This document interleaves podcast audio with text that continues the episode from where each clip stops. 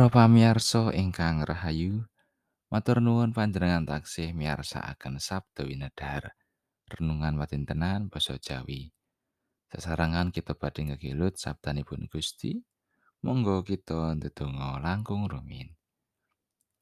Duh Gusti Allah Rama kawula kasuwarken. Ngaturaken ageng panuwun syukur awit sedaya berkah pangrimat paduka ing gesang kawula. Wekdal menika Duh Gusti, kawula nyawisaken manah kawula. Mugi roh Tuhan paring pepadang lan nyagetaken kawula mangertosi saha nindakaken dawuh paduka. Kawula ngrumaosi tasih kathah dosa kelepatan kawula Gusti. Mugi paduka kersa ngapunteni. Wonten ing asmanipun Gusti Yesus Kristus kawula ndedonga lan saos syukur. Amin. Wawasan kapendet saking kalih babat bab tigang dosa sekawan ayat setunggal ngantos pitu. Pangeran Yosia nalika jumeneng ratu yuswa wolung taun. Dene anggone ngasta pamrentahan ana ing Yerusalem lawase telung puluh siji taun.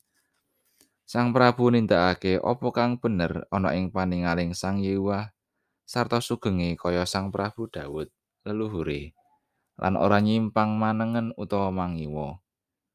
Ing taun kang kaping wolune paprentahane nalika panjenengane isih timur panjenengane wiwit ngupadi marang Gusti Allah Sang Prabu Daud leluhure lan ing taun kang kaping rolas Sang Prabu wiwit ngresiki kanajisaning Yehuda lan Yerusalem yaiku nyingkirake tengger-tengger pangorbanan tugu-tugu brahala reca-reca tatahan lan reca-reca cithakan misbah-misbahi para Baal padha dibubrahi ana ing ngarsane.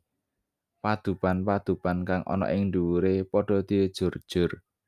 Tugu-tugu brahala padha diremuki lan digecaki. Uga reca-reca tatahan lan reca-reca cithakan nuli disawur-sawurake ing kuburane wong kang padha sesaji korban marang brahala-brahala iku.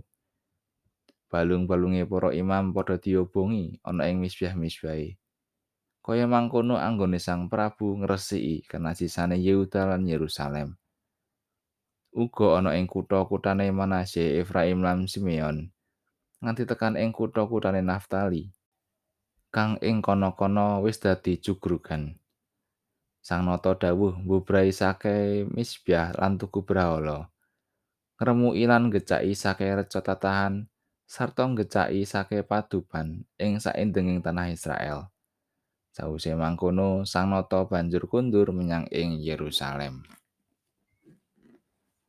Makatan pangandikanipun Gusti, ayat nan saking ayat 3b lan pitu.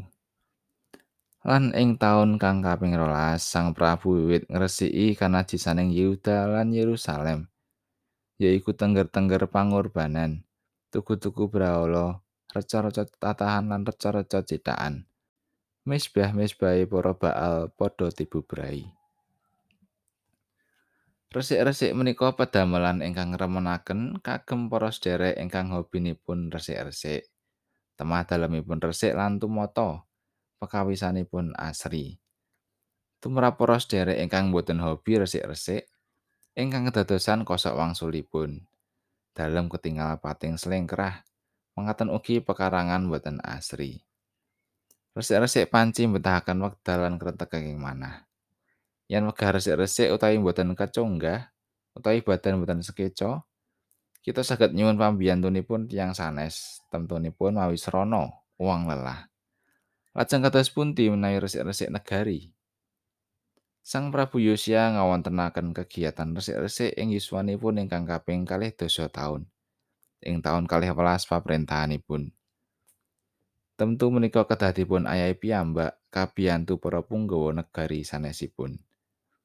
Prabu Yosia mboten resik-resik griya ingkang kebak bleduk, nanging resik-resik negari saking panyembahing brahala. Resik-resik negari ingkang rakyatipun boten setya dumateng Gusti Allah malih lan manembah dhateng brahala. Menika sanes bab ingkang gampil kados resik-resik saking tindak korupsi. Tumindak menika mbetahaken kekendelan lan landesan ingkang kiat. Mila ing taun ingkang kaping 8 ing pamrentahanipun, ing yuswa 16 taun, Prabu Yosia wit ngupati dumateng Gusti Allah. Ngupati dumateng Gusti Allah menika ingkang dados landhesanipun.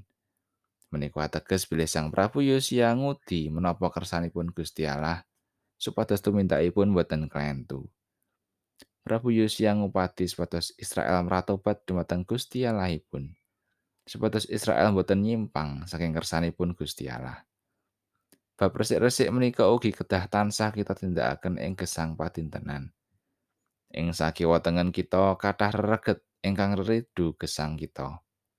kathah panggoda ing sakiwa tengen kita ingkang nedya nebihaken kita saking Gusti Allah temah kita saged kecalan kawilujengan amin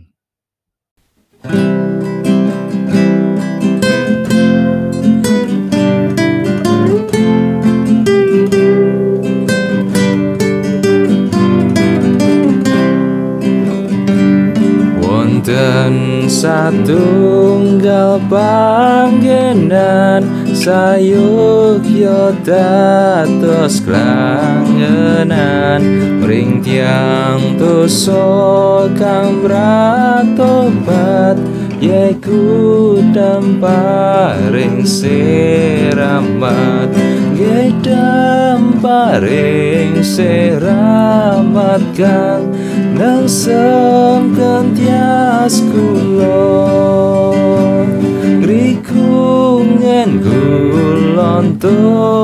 kesang sinungan waluyo